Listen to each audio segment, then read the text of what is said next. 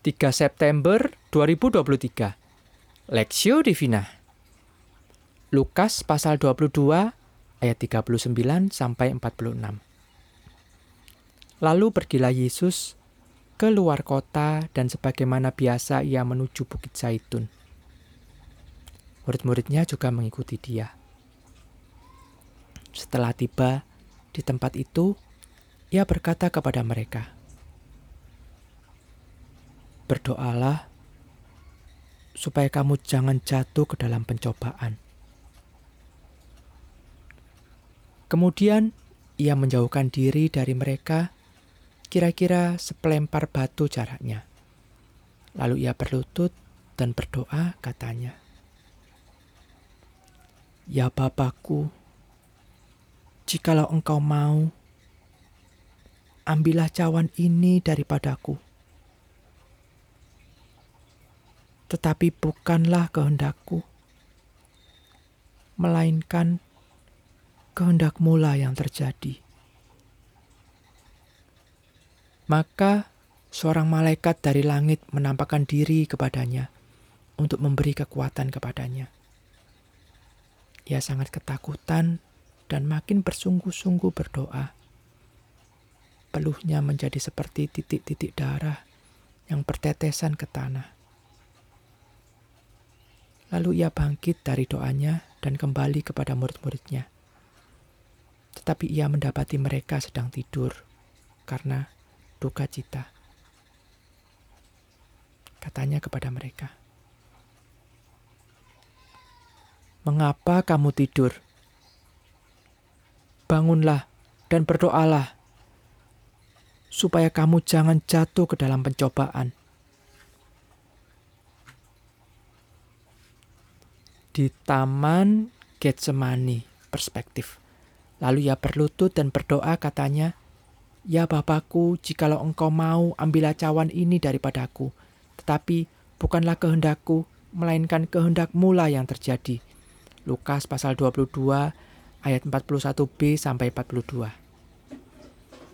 Menaati kehendak Allah sering kali tidaklah mudah untuk dilakukan kita akan berhadapan antara keinginan daging yang berlawanan dengan ketaatan kepada Allah. Di samping itu, ada konsekuensi yang tidak mudah saat memutuskan untuk mau menaati kehendak Allah. Dalam bacaan hari ini, kita berjumpa dengan pergumulan Tuhan Yesus di dalam Taman Getsemani. Yesus menyadari bahwa saatnya telah tiba untuk menunaikan kehendak Allah, Bapa terhadap dirinya yakni melaksanakan karya penebusan. Pergumulan di Taman Getsemani adalah pergumulan yang nyata, yang harus Yesus hadapi. Lukas mencatat, Yesus sangat ketakutan sehingga peluhnya menetes bagaikan darah. Ayat 42. Ketakutan itu tergambar dalam kata Yunani, yakni agoni.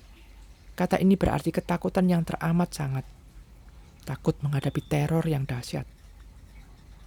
Yang Tuhan Yesus katakan bukanlah penderitaan salib semata-mata, tetapi keterpisahan dari Allah dan konsekuensi yang teramat berat dari dosa yang dia tanggung. Di tengah ketakutan tersebut, Tuhan Yesus menyerahkan seluruh kehendaknya dan tunduk kepada Bapaknya. Karena itu, ia menaikkan doa yang sangat menyentuh. Ya Bapakku, Jikalau engkau mau, ambillah cawan ini daripadaku. Tapi bukanlah kehendakku, melainkan kehendakmu lah yang terjadi. Sebuah doa yang dilandasi oleh ketaatan dan kasihnya kepada Bapa. Ketaatan yang menuntunnya untuk berserah kepada kehendak Bapa yang sempurna. Ketaatan yang mendatangkan keselamatan bagi seluruh manusia kebenaran ini menjadi sebuah perenungan bagi kita saat ini. Sejauh mana kita belajar menaati kehendak Bapa di dalam hidup kita. Meskipun tidak mudah, biarlah kita tetap berkomitmen untuk menaatinya.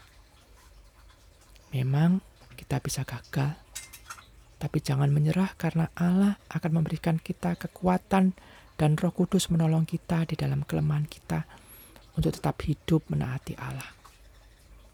Sehingga kita bisa menaikkan doa yang sama. Jangan kehendakku, kehendakmu lah. Kehendakmu, jadilah ya Bapa.